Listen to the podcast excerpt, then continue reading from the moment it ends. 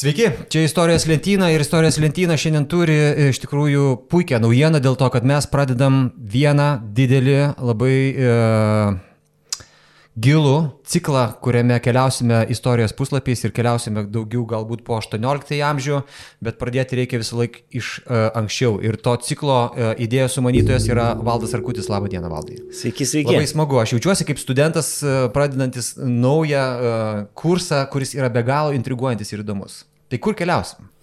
Keliausim absolutizmo epochą, bet absolutizmo epochos ištakos slypi be jokios abejonės 30 metų karo istorijai. Tai dar 17 amžiaus vidurys. Taip, taip, netgi pirmą pusę. Taip. E, ir šiandien pirmoji pamoka. Šiandien pirmoji pamoka, 30 metų karo pamokos ir prielaidos naujai epochai. Tikrai bus apie ką kalbėti, tikrai labai didelis karas, daug labai visokių pasiekmių. Tai aš tiesiog tik tai, kad žmonėms, kurie galbūt nieko daug apie jį nėra girdėję, pamėginsiu padaryti tokį penktokišką, kaip aš sakau, įvadą. Europa prieš tą didelį karą 1618 metais atrodo va taip, va maždaug taip. Aišku, kad va šitą čia, čia kur yra uh, Vokietija, taip truput, truputėlį pratrinta ir jeigu mes pritrauktumėm žvilgsnį, arčiau, pamatytumėm, kad ten yra labai daug kunigaikštyšių, grafyšių, mažyčių valstybėlių, kurių įtaka netgi dar labiau padidės po šito karo. Uh, E, dar yra vienas toks e, sudėtingas daiktas, kurį reikia kažkaip tai suvalgyti tais laikais, tai yra Šventosios Romos imperija, kurią suprasti nėra labai paprasta, bet Šventosios Romos e, imperija turi imperatorių, kuris yra renkamas ir renka jį septyni elektoriai, dabar, aš, dabar jūs matote tai žemėlapyje, iš tikrųjų tai visi, kurie klausote šitos laidos ir viso šito ciklo, nepamirškite, kad reikėtų šitą ciklą žiūrėti, mes bandysime sudėti su valdu daug e, vaizdinės medžiagos, kad jums geriau būtų įsivaizduoti. Tai turim septynis elektorius, kurie renka imperatorių, ir e, kurie trys yra uh, dvasiškos kilmės, keturi yra pilietiškos uh, kilmės. Ir jeigu dabar pažiūrėsite į šitą schemą, tai pamatysite, kad juodas kryžius yra prie katalikų, šviesus kryžius yra prie protestantų ir e, viskas, e, kas prasideda 30-mečiame kare, prasideda būtent tarp šito konflikto, tarp protestantų ir katalikų. Ir prasideda jisai Prahoje, mes keliamės e, į gražiąją Prahą, kurią ir dabar mėgsta labai turistai aplankyti. Keliamės į tą vietą, kurioje imperatorius yra išsiuntęs savo atstovus ir ginčijasi su protestantais per juos, bet vieną gražią dieną protestantai paima ir išmeta tuos uh, du atstovus ir dar jų sekretorių per langą. Va čia vat, e, yra Prahoje ta vieta, kur uh, tai atsitiko, iš trečio aukšto iškrenta šitie žmonės, lieka gyvi ir galbūt tada niekas negalėjo numatyti, bet šitas incidentas pradeda iš esmės 30 metų karą, e, miršta e, Švedosios Romos imperatorius e, ir naujoji tampa Ferdinandas, kuris tampa Bohemijos karaliumi, protestantai paskelbė savo Bohemijos karaliumi, karalių, išsirenk, kuriuo išsirenka Friedrichą V, Palatinato uh, vadą ir prasideda pirmasis karo etapas, kuriame iš esmės viskas vyksta būtent uh, toks savo kiemo ginčas uh, Bohemijoje. Uh, kurioje protestantai sukyla prieš katalikų imperatorių ir viskas protestantams e, baigėsi iš tikrųjų tame pirmajame etape gana prastokai, dėl to, kad jie pralaimi pirmą didelį mūšį prie Prahos, Baltojo kalno mūšis, kuriame uh, jėgos buvo apylygės, bet protestantai pralaimi, tada yra išstumiami iš Palatinato, yra vėjami į viršų ir iš tikrųjų šito karo pradžia labai labai yra sėkminga Habsburgams, o po to, kai atrodo, kad jau viskas e, baigsis ir ginčas ir bus toks pilietinio karo e, vidaus reikalas, į karą įsijungia Danija. Bet aš jau turbūt, man atrodo, noriu sustoti, nes e, Danijos įsijungimas į šitą karą iš karto paverčia jau nebe vidaus reikalų, ar ne? Valdai. Nu jo, čia reikėtų iš tikrųjų dar keltą tokių komentarų dėl anksčiau rodytų skaidrių padaryti. E, tai jeigu būtų galima tą Baltojo kalno mūšį parodyti. Nu gerai, grįžkime. Jis yra labai esminis čekų tautai, e, kadangi čia. taip, e, reikia žinot, kad čekai ne pirmą kartą čia susibuntavoja, yragi dar na, prieš daugiau negu šimtą metų buvę taboritai, reiškia veikia toks nacionalinis čekų judėjimas, kuris husitai ir ten jų tai karinis sparnas taboritai.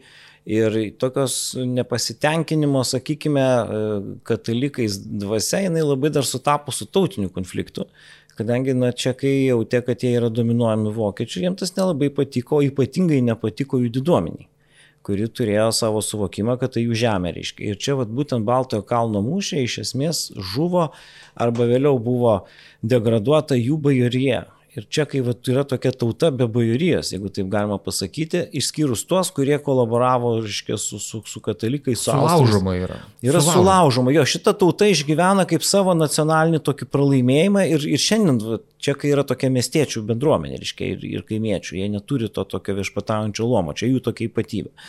Sulūžo tada. Jo, ir dar vienas dalykas, reiškia, reikia suprasti, kaip atrodė anksčiau ta šventoji Romos imperija, kuri taip pat išgyveno religinių karų epochą, kuri prasideda kažkur tai apie, na, reformaciją, tai apie, 1000, e, apie 1525 metus tai jau tampa labai rimta problema, bet 55 metais jie pasirašo tokią Augsburgo bažnytinę taiką, nustato tokius principus, kieno valdžia to ir, to ir, to ir religija, tai ta, ta valstybė, jinai tokia jau yra sakykime, kelių tų konfesijų jau gerokai anksčiau ir galima sakyti, kad 16 amžiaus antroji pusė visai sėkmingai ten gyvena. Ir, ir tas, tas karas, reiškia, tas va, Čekijos įvykis iš esmės, Čekijos karalystės įvykis, Bohemijos, jisai išjudina senas žaizdas. Ir, reiškia, ir daug kas pamato, kad yra galimybė per, perdėliot kortas, reiškia, galbūt sustiprinti kažkieno tai įtaką.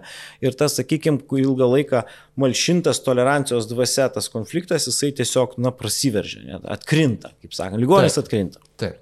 Bet uh, visą laiką yra noras 30 metį karą vadinti tokiu religiniu, bet uh, turbūt nėra taip, kad Danija įsijungia šitą karą grinai tik tai protestantų pusėje už protestantizmo idėją. Vis tiek Karalius Danijos turėjo savo ekonominių sumanimų, kažkokių geopolitinių prasiskaičiavimų, dėl ko jis tai padarė, ne? Kristijanas IV yra ypatingas Danų karalius. Ypatingas. Ypatingas. E, jų, reiškia, ten hierarchijoje jisai būtų vienoje pirmoje vietų, turbūt iš visų jų karalių, arba vienas iš, iš tų ten gal lyginant su kokiais ten vikingų epochos, reiškia, karaliais. Jis buvo gabus, sutvertas karo ir pasiekė labai didelių laimėjimų. Prieš šitos įvykius jisai labai sėkmingai pasirodė Kalmaro kare Švedijoje. Tiesą sakant, Švedija buvo atsidūrus ant katastrofos lenkščio, visiškai, reiškia, užėmė Kalmarą ir, ir buvo priartėję prie Stoholmo, visiškai ten, ten, ten Tai Švedijos istorijoje pats tamsiausias laikotarpis yra šitas Kalmaro karas 11 metais. Ir Ir būtent tas pats valdovas, jisai, reiškia, pastatė tvirtovį, tvirtino Daniją pasijūtą esantį galingą valstybę, iš tikrųjų galingą valstybę. Ir natūralu, kad visam protestantų pasauliu kito tokio lyderio nebuvo. Todėl kristiano atsiradimas šiandien nėra kažkoks atsitiktinis, bet tai yra jo e, anksčiau vykdytos politikos įvertinimas, nu, jo tiesiog tikėjo, kad šitas vadas sugebės, nes tai buvo, nu, genialus pakankamai žmogus. Taip, ir padarė įimą iš tikrųjų laiku, katalikiškos ir imperatoriškos kariuomenės buvo toli ir pradžia buvo nebloga, bet po to viskas pasisuko ne taip, kaip jam norėjosi. Desau mūšis Danai pralaimė, Liuterio mūšis Danai pralaimė, tada pralaimė Volgastą ir, ir po visų šitų pralaimėjimų serijos bus Liubeko taika, kuri reiškia, kad Danija iškrinta iš to karo. Ne? Taip, nu, čia kodėlios priežastis buvo šitokio, šitokio įvykių posūkio, tai tai, kad e, ankstesni karai buvo kariaujami naudojant logistikos sistemą, kurią Danija turėjo, tai yra jūra, kurie turėjo akivaizdų dominavimą to laikotarpiu. Ir jie galėjo savo leisti, reiškia, kada nori užpulti, kada nori atsitraukti. Man teko nakvoti vienoje jų tokioje tvirtoviai, E, kur nu, ten nenumanomų dydžio reiškia, ten didžiulis kempingas dabar mhm. padarytas toj tvirtoviai ir jie iš ten va puldinėdavo švedus, tai jiem buvo nesunku užtikrinti, bet kada jie pradėjo kariauti, reiškia, Šventojo Romos imperijos teritoriją, iš esmės jie priklausė nuo logistinės sistemos, kuri, kurią galėjo pasiūlyti patys protestantai.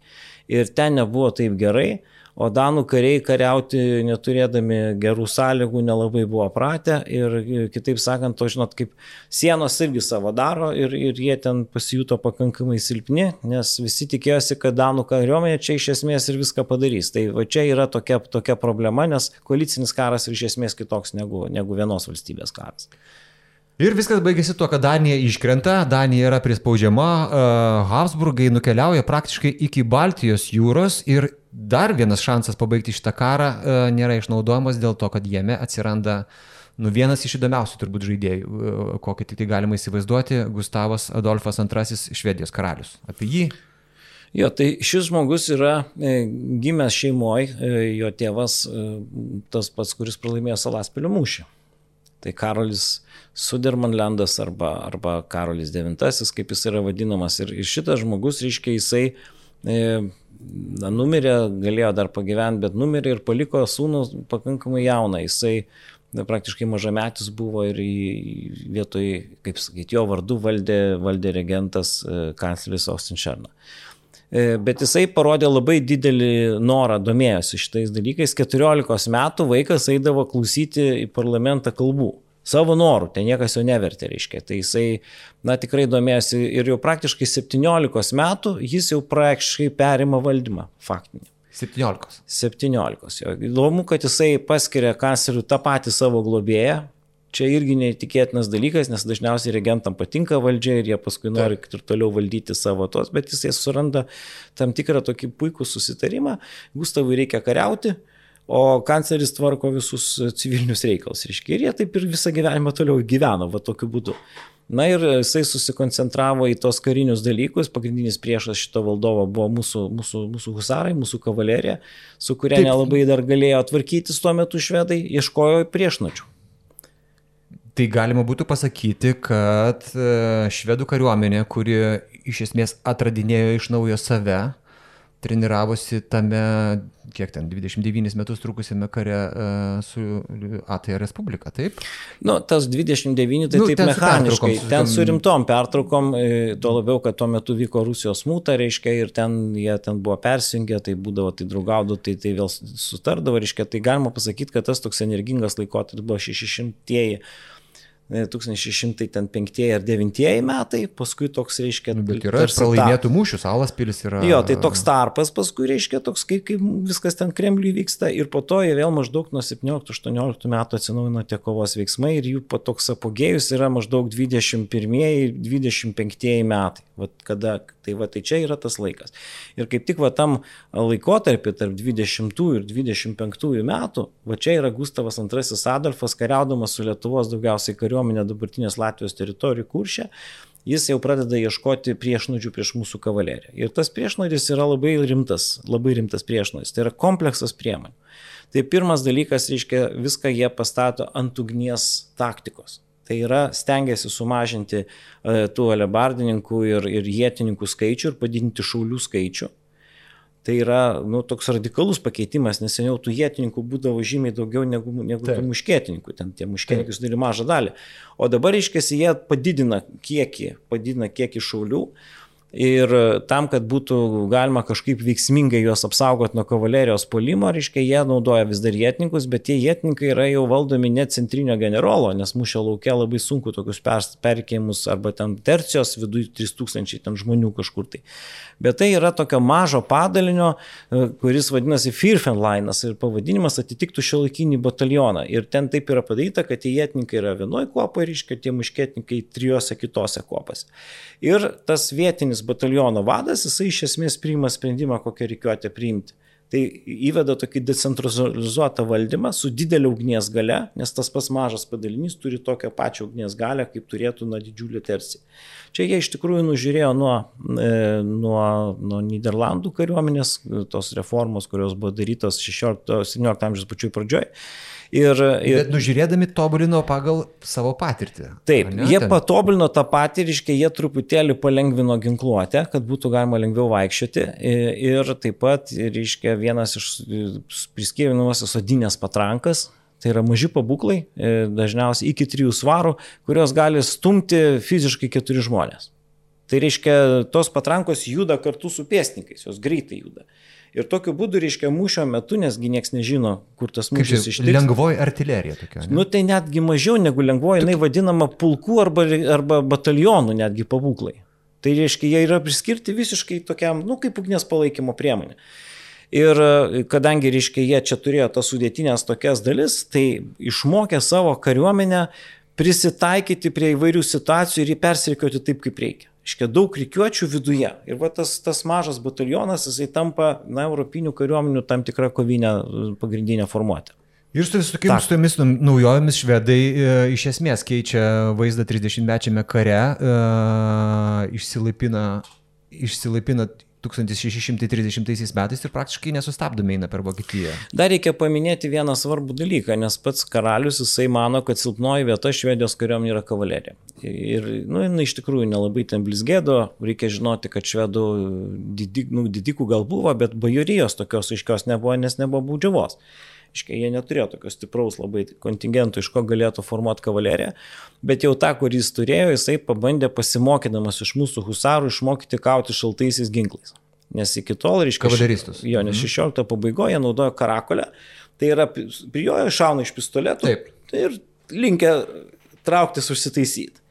Ir tai pra, neleidžia kavalerijai išnaudoti jos greičio ir smūgio, reiškia, šuoliais lekiant. Tai jisai, reiškia, net iki tokio kraštutinumo, kad atėmė šarvus, arba paliko tik tai kirasas, reiškia pačius pagrindinius šarvus ir išmokino kauti šaltais, šaltojo ginklo, asmeniškai vesdamas kavalerijai mūšį. Čia va yra jo, jo, jo reiškia inovacijos tos, kurios leido švedų kavalerijai tapti kavaleriją dar kartelį, nors, nors tos pistoletus, aišku, paskui duodavo, nes nu, jie vis tiek yra geras daiktas. Nu, aš uh, iliustruodamas dabar valdai, ką, ką tu kalbi, paleisiu epizodą iš Bratenfeldo mūšio, kuriame kaip tik uh, viskas ir prasideda nuo kavalerijos sus, susidūrimo uh, šitame flange. Tai tu gal galėtum ir pa... pa, pa Nu tai va, tai pirmiausia, kaip atrodo, reiškia, tų naujųjų laikų kariuomenės reikiuotė. Tai jie paprastai sudaro centras ir du sparnai, Kiekvienas iš, iš tų gali būti dar rezervas kažkoks tai, gali būti priešakinis avangardas, kuris įsivelia į mūšį, bet jeigu kariuomenės viena prieš kitą stovi, jis jau nelabai reikalingas, nes ir taip aišku, kas kurioje vietoje yra. Tai pirmiausia, kariuomenės apsišaudo patrankomis, taip. čia yra ne tie maži pabukliukai, o čia vadinamos lauko pabūklai, kurie per mūšį beveik ir nejuda. Jos kaip pastato toj vietoj, nes tais laikais nebuvo labai lanksti, tai tie kalibrai gal nėra labai dideli, bet sunkus pabūklai. Na va, ir po to reiškia, kas vyksta. Tada yra bandymas pakeisti savo e, patogiai mūšio lauką. Na, šiuo atveju, e, reiškia, imperijos kariuomenė, čia jinai vadovauja e, Pappenheimas mhm. generolas, reiškia, jisai bando išstumti švedų sparną. Pirmiausia, dešinį švedų sparną. Ir čia mes, jeigu galim sustabdyti dabar, vat, pasakysim, kas čia vyksta. E, reiškia, kada prijoja kavalerija ir jinai naudoja pistoletus, tai jos ugnis yra pakankamai nužiūri, reiškia, jie, jie šaudo iš mažo pakankamai atstumo. E, bet e, dažniausiai pistoletai šaudantys žmonės nelinkia eiti tiesioginį kontaktą, nes taip saugiau. Nu, tai šovi ir atsitraukia. Tai tam, kad, reiškia, jiems kažką tai prieš pastatyti, švedai, o švedų kavalerija, kaip sakau, nėra linkus labai šaudyti pistoletais, tai jie tam panaudoja šaulius, pėstininkus. Nes pėstininkas turi tokią savybę, kad jis gerai laiko poziciją. Kavalerinai tai lekia, tai traukiasi, iškia manevrinė tokia dalis. O tie vat pėstininkai, kurie yra pastatomi šalia eskadronų kavalerijos, iškia, jie sudaro tokio reikiuotės e, kaip ir stuburą, ne kažkokį karkasą. Ir tada šita formuotė maišyta pėstininkų kavalerijos, reiškia, reikiuotė, ją naudo švedai dar ne vieną kartą, jinai duoda savo efektą, reiškia, kai reikia gintis pėstininkai laiko, kai reikia kontratakuoti, tą daro kavalerija. Žodžiu, pė, pė, pėstininkai iššauna, tada kavalerija eina į ataką, tada jo. kavalerija atsitraukia ir pėstininkai uh, užsitaisę gali uh, paleisti naują. Ir užsitaiso, salvę. ir pailsi, reiškia, nes įsivaizduokit, kad ta ataka pareikalavo labai didelių pajėgų, bet šita kombinacija, jinai duoda efektą. Tik yra viena labai didžiulė problema turi kariuomenė išmokti saveikauti. Tai nėra padaroma, va, žinai, taip, taip. lengvai. Škai jie turi treniruotis, jie turi mokėti tą padaryti. Bet kaip matom, efektyviai ir tas, ta, ta, sakykime, imperijos kariuomenės kairios sparno taka, jinai iš esmės neduoda jokio efekto. Aišku, jei nieks ir nekėlė užduoties čia viską pakeisti. Bet jie tiesiog pačiupinėjo. Pačiupinėjo mūšio laukia žvalgybą, reiškia, kas tenai. Nu, tas sparnas pasirodo kietas. Ir iš tikrųjų, tai pratesiant e, tavo pasakojimą, tai galima būtų užbėgant įvykiam už akių ir pasakyti, kad šitas sparnas pabirės, švedai e, įgys pranašumą čia, O imperinė armija bus sulaužysi saksus, priverčiusi pabėgti. Ir va šitą švedų sparną išgelbės reikalas lengvosios patrankos. Tos lengvosios patrankos. Va, bet dabar čia yra vienas dalykas. Iškia švedai, kaip matom, sukaupė pajėgas dešiniajam sparnė ir ten surinkta visa kavalerija ir ten garantuotai, reiškia, yra pačios stipriausios pajėgos. Matom, pats karalius tenai, Taip, jisai pasiruošęs vesti tą ir tą mirtiną smūgį suduoti. Nes, reiškia, kada jau ta kavalerija išeina į sparną arba užnugarin, tai tada jau ten prasideda žmonių medžioklė. Bet jo sąjungininkai, kuriem buvo patikėtas kairysis sparnas saksai, jie ne tai, kad juos išstumė, Jie tiesiog pabėgo. Taip, taip. Jie tiesiog buvo pasitraukė. patikimi kažkaip. Kiek aš susiduriu su saksais, jie tokie. Na, nu, yra patys neturtingiausi vokiečiai. Vat jeigu, jeigu taip lygint, reiškia, nes mes kartais nu, nelabai žinom skirtumus, nes jie ne, ne, nesijausdavo tokiais vokiečiais. Nu, jie susikalbėdavo tą kalbą, bet ta prasme, jie sąmonė jų yra va, tokia, kad yra saksai. Taigi galų galių gintis taip ir vadinasi. Nu, tai yra ir saksai, yra, yra ir kitos, kitos reiškia, vokiečių rūšis, tai, tai kai kurios nuo Anglijų irgi anglai ir, ir saksai. Ne? Nu, tai reiškia, yra tiek daugiau atskiri negu bendri. Iš jūsų imperija yra junginys valstybių, o ne, o ne kažkaip kitaip. Ir tas jų atsitraukimas principė reiškia švedų kariuomenės, švedų kariuomenės krachą visiškai. Ta prasme, čia neįmanoma atlaikyti, nu tu visą sparną. Taip, turi. nes taip, čia užėjimas tada. Ir kas pasirodo, reiškia, kad šitame mūšė šitie švedų firfenlainai krizės momentu yra pajėgus pakeisti rikiuotę. Vat antra gynybos linija, nes paprastai reikiuojasi, reiškia, mes čia matom tas, nu, kaip ir daugiau čia tų eilių, bet čia yra kalba, kad yra linija. Ne? Linija yra sudėtinga, nu, kaip atskira reikiuotė. Ir reiškia, jeigu tavo priekinė linija sulaužai, jinai gali atsitraukti, antra priima ant savęs smūgį. Čia kaip pas romėnus. Tai švedų antroji linija sugeba suformuoti naują sparną kampu. Taip, jau tiesiog. Ir apsaugoti. Mhm. Tai čia neįtikėtinas dalykas. Jokia kita kariuomenė to negalėjo padaryti ir čia buvo imperijos kariuomenė visiškas netikėtumas, kad netgi taip sėkmingai pasisukus reikalam pergalės dar jie kišenėje neturėjo. Aš suprantu, Valdas yra karo istorikas ir mes apie, apie kiekvieną mūšį čia galėtumėm užsikalbėti stipriai, e, nors esam sutarę bėgti didesnių tempų, bet žinok, Valdai turėsim viską papasakoti, ką esam sutarę, net jeigu užtruksim e, dvi pamokas. Nu jo, tai ten pamėgos, tie mūsų žiūrovai paskui vėl atsikels. Nepamėgos. nu va, tai e, švedai tikrai, e, tikrai sėkmingai kariauja, viskas, kas žalia yra Švedijos žygiai. Ir e, Ir jie dar išnaudoja ir simpatijas, kurios kyla jų atžvilgių dėl to, kad katalikai, pavyzdžiui, Magdeburgą ten sunaikina, ten, aš nežinau, gal 20 tūkstančių žmonių. Taip, taip, bais, baisus genocido atvejis. Baisus genocido atvejis ir todėl uh, visi, kas gelbėjo nuo genocido, yra, uh, yra simpatiški. Ir švedai šiuo atveju yra simpatiški, jie laimi. Breitenfeldo mūšis yra galbūt net pats didžiausias, aš tai pažiūrėjau, pagal skaičius nu, karių, kurie dalyvauja. Karo meno istorijos požiūriu tai yra mūšis, be kurio neįmanoma papasakoti. Kas tai yra, okay. kaip naujoji reikiuotė duoda efektą. Reiškia, jos visi privalumai atsiskleidžia būtent Brightonfieldo mūšį, bet nemažiau garsus yra ir Liuceno mūšis. Tai mes keliaujame į Liudziną. E, Liudzinas yra e, garsus, garsus dėl ko? Dėl to, kad jame krinta Švedijos karalius. Taip, bet tai nėra pagrindinis dalykas. Reikalas tas, kad e, tas Breitenfeldo mūšė, reiškia, ten daug atsitiktinumo tokio buvo. Nu, ta prasme, ir vieni, ir kiti čia improvizavo, kažkas tai vyko. O, reiškia, jau čia, e, jau mes turime labai rimtus karo vadus, nes kas yra Valenšteinas. Valenšteinas yra čekų, tarp kitko, didikas, kuris, na, perina į katalikų pusę ir, ir, ir nėra ten čekų tautoje labai geros apie jį nuomonės, reiškia, jau neminėt geriau jo, tai toks laikomas, nu, ne išdavykų, bet tokių, reiškia, tarnaujančių priešams. Taip. Tai va, nes išdavyko savoka yra vėl, vėlyvesnė. Tai štai mes matome dvi rykiuotės, vienoje pusėje tai tie mėlynčiai švedai, tai jie, reiškia, yra uh, jie yra su tais Firfenlainais ir taip toliau, reiškia, jie čia mes matom, taip daug didelę reikšmę turi artilerija, abi pusės turi pakankamai daug artilerijos, šis apylgės jėgos buvo.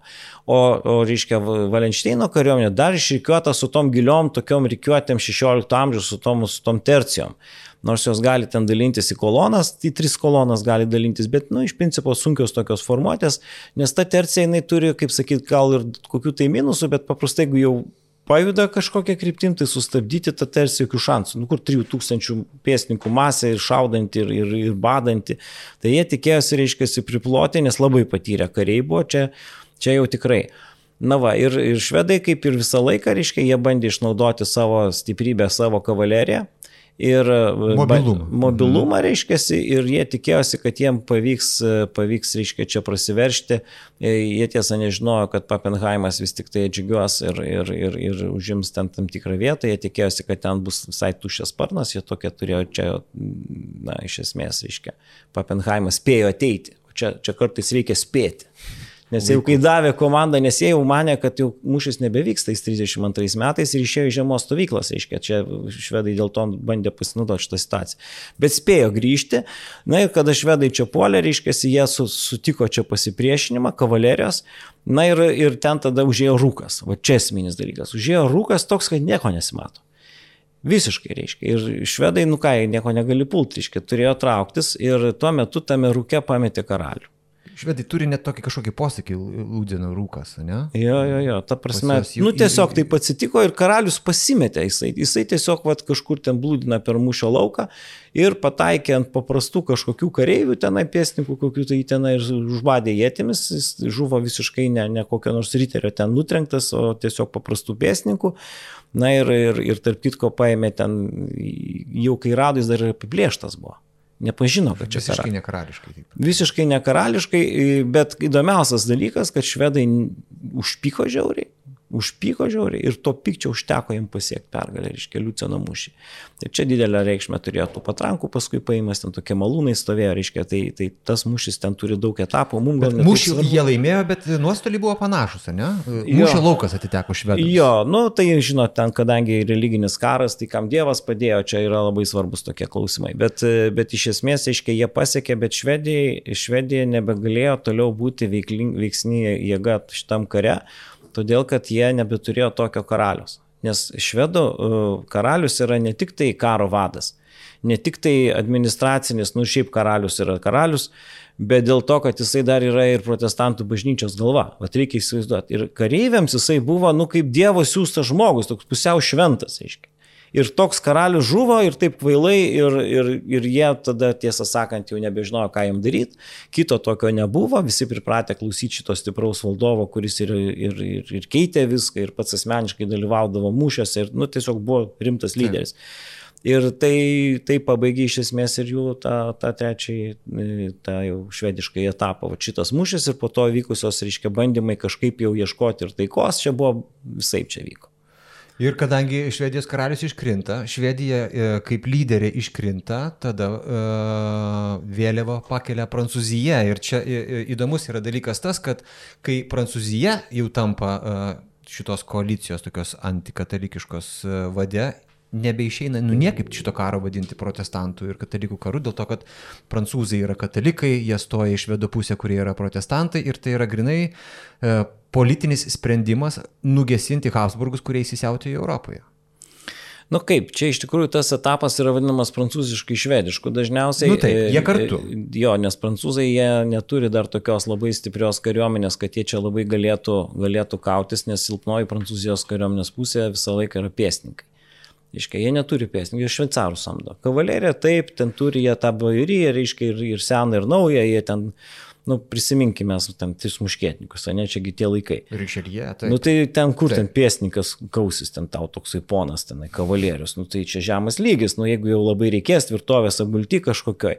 Tai vienu žodžiu, jiems buvo geriau duoti pinigų švedams ir jie tą darė ir darė didžiulį spaudimą švedams, tarp kitų jau jie ten taip už kadrų dalyvavo jau senai nes jų tikslas buvo susilpninti e, Habsburgų imperiją. Tam, jie lygiai kad... dėl to padėjo švedams išsinarplioti iš karo su Lenkija, kad jie galėtų kariauti su Taip, taip, taip, sudarė didelį diplomatinį svorį. Na ir tokiu būdu, reiškia, tasai e, Prancūzijos įsijungimas, jisai jau dabar tampa šitam jau paskutiniajame etape labai matomas, bet jis turi tą neigiamą aspektą, kad, reiškia, religinis karas praranda reikšmę. O reiškia, tiem... Vis protestantai, man atrodo, kažkokiu metu sudarė e, tą sutartį, nebeprisimenu, kaip jinai vadinasi, kad protestantai atsisako šito, nu, nebe, nebekariaus šitam kare. Nu taip, nu už tai, kad jie, nu, jie išvargo, teritoriškai dažniausiai jų žemėse vyko kovos. Nu, ta prasme, taip. jau prasideda jau rimtas nuovargis. Čia kaip o dabar sako, sako, mes kariausim toliau, jūsų žemėse. Čia įdomiausias dalykas, mes dabar turim nepilnus du metus, pusantrų metų karo, jau visi pavargę, o ten žmonės kariavo dešimtmečiais. Tai čia vat, yra tas pasakymas, kas yra tikrasis nuovargis, nu kai jau tikrai nebegali kariauti, kai jau ekonomika neveža, kai jau, jau reiškia reiškia, traukiasi visi ir taip toliau. Bet kadangi, reiškia, prancūzai čia vis tik tai nusprendžia dar pribaigti, nes imperija vis dar gyvybinga ir gali toliau kovoti, na tai tada prasideda dar paskutinysis etapas ir tada va šito etapo metu prasideda mums labai svarbus procesai. Taigi, Dabar kasgi ten darosi? Iškiai įsivaizduokite, koks nors batalionas, jie tai buvo suorganizuoti, kad jie tarnaudavo, nu ten karaliui kokiam tai, bet čia karalius, ne karalius, čia buvo jau, ryškiasi, ten to pulkininko reikalas, ne už ką jisai kariauja. Nes didžioji dalis kariuomenės buvo samdoma kariuomenė iš visokiausių šaltinių.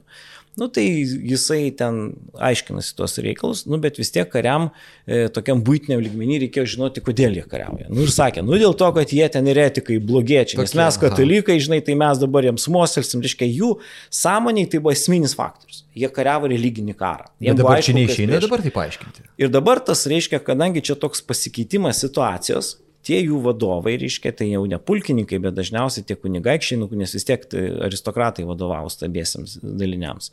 Iškia, jie kartais nusprendžia, kad gal būtų gerai pereiti, pavyzdžiui, po prancūzų karaliaus vėliavą, nes, nu, ten užmokės, pavyzdžiui, pinigus, nes neturi iš ko mokėti algų. Taigi ekonomika nusilpsta. Pinigai tampa labai svarbiu faktu. Tai ką dabar tai hebrai daryti, reiškia. Ir jie, nu, tokia atsiduria tokiu keistoj situacijai, reiškia. Vieni susitaiko, nu, ne mūsų čia reikalas, mes maži žmonės, kaip liepia valdžia, taip darysim. Kiti pradeda trauktis, e, kiti bando ieškoti naujų galimybių, nu, žmoniškai tas viskas vyksta, bet realiai prasideda demoralizacijos procesas. Ir e, dar kadangi tų algų vis tiek nesumoka, e, šito karo metu čia dažnas atvejis, tai tie kareiviai ką jie daro? Tai jie tada išeina grupėmis iš savo kariuomenės, arba pabaigė kontraktą, arba jiem nesumokėjo.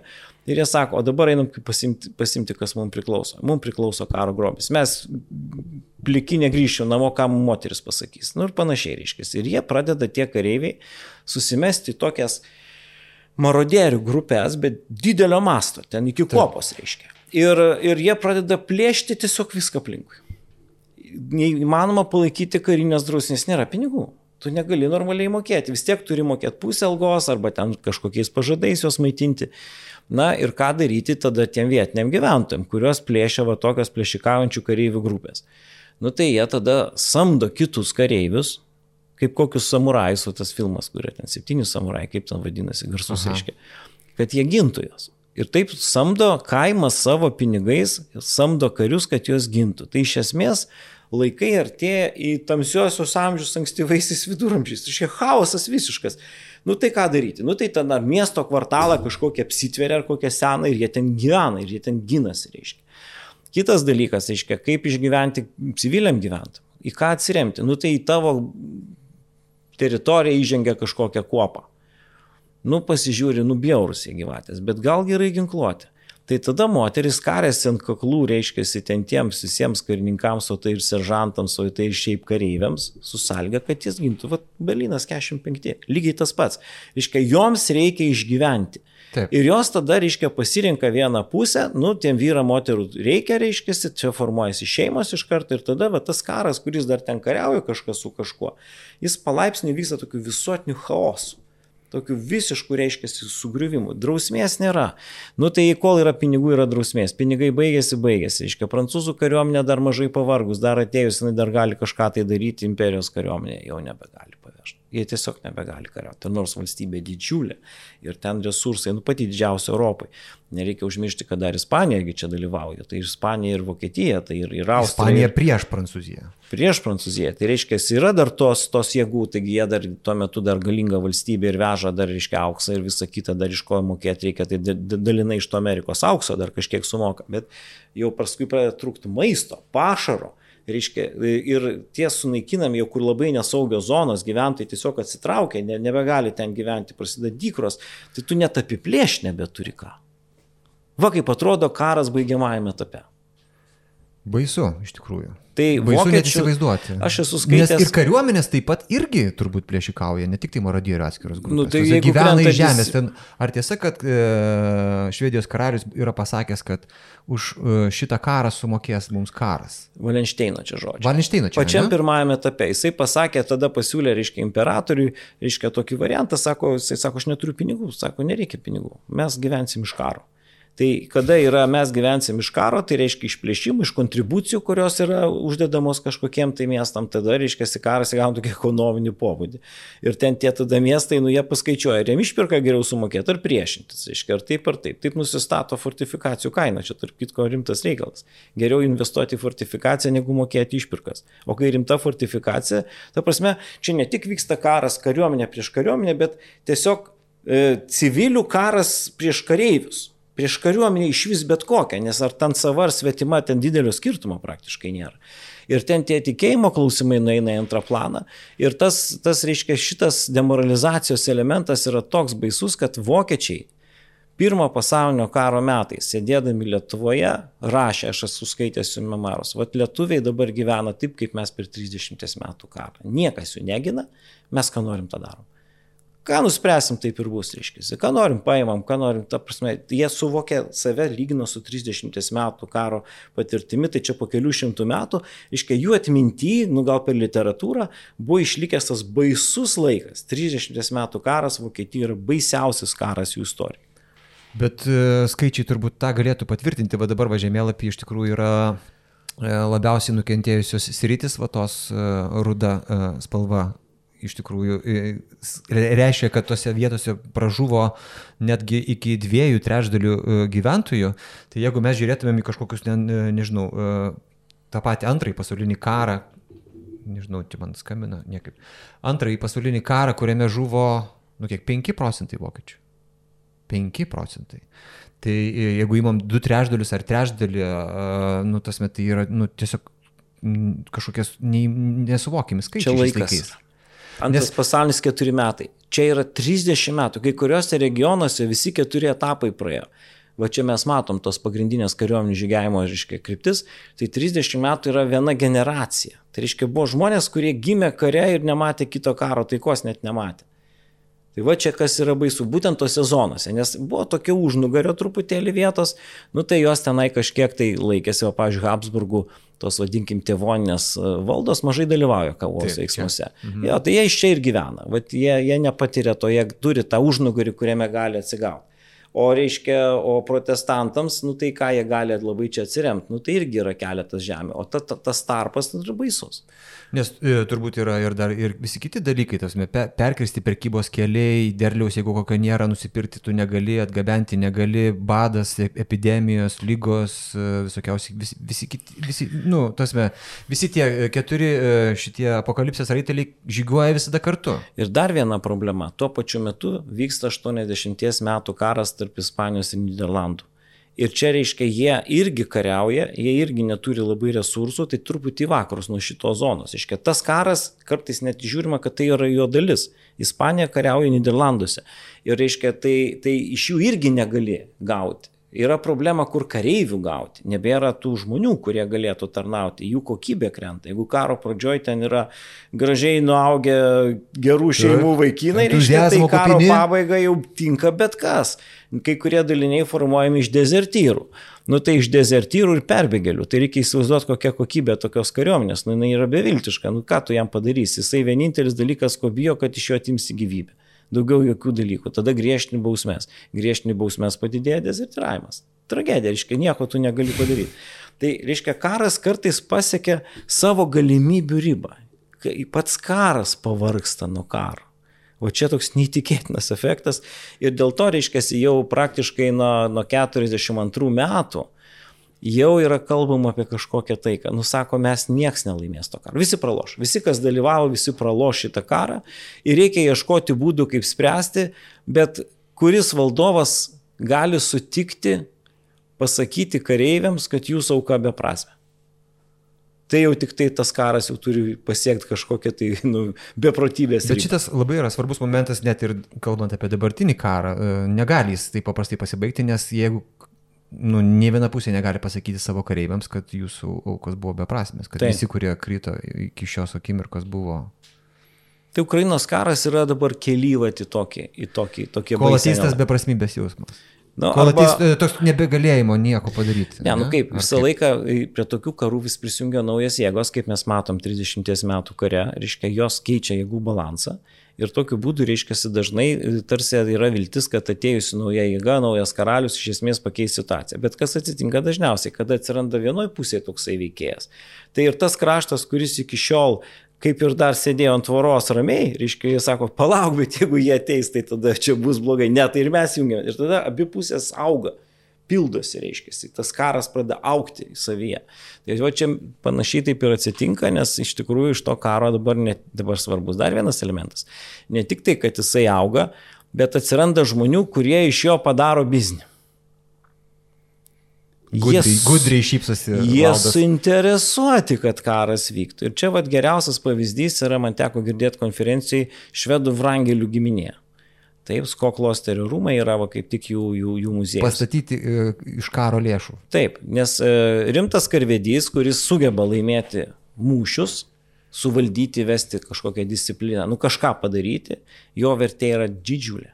Tai reiškia, nu, nes ne tik kareivių reikia, ir vadų reikia, kurie galėtų tą dalyką daryti. Ir jeigu toksai žmogus atsiranda, tai jam alga yra turi būti didelė, nes jis gali pakonkuravęs ir į kitą pusę atsirasti, taigi nebūtinai, jeigu tu esi vokietis, tai nebūtinai turi vienoje ar kitoje pusėje, gali perėti į kitą pusę. Reiškia, ta, jų rinka, kaip sakant, poreikis tokiem veikėjam yra. Kaip e, krepšinio komandoje legionierius, šiandien žaidži ten Panatinaikos, kitą sezoną gali žaisti toliau. Tai tokių tarp kitko nemažai šituose kariuomenėse. Ir jeigu toks atsiranda vadovas, nu tai jau jam užsidega žalio šviesos, stiprina savo politinį įtaką. Jisai pats nustato daugelį dalykų, jisai reguliuoja, kur pulti jisai nusprendžia, sakykime, kokie, kokie pinigus, kokius turi sumokėti apgultas miestas. Ne? Jisai, jisai ir karo vadas, va tas varlordas čia, čia, čia jisai yra, va šitam kare. Ir tokiu būdu, o kur tie plaukia visi priplėšti dalykai, taigi rūmus išplėšė ten politinių priešininkų, miestus užžyvant, tai plaukia jų nu, nuosavas valdas. Ir jie suinteresuoti, kad tas karas truktų kaip įmanoma ilgiau, nes karas pasibaigs ir baigsis jo galimybė pralopti. Pilną šios serijos versiją, kaip ir visą kanalo turinį, klausykite tapę Roberto Petrausko Substack kanalo prenumeratoriumi. Ačiū visiems ir visoms, kurie mus klauso ir remia.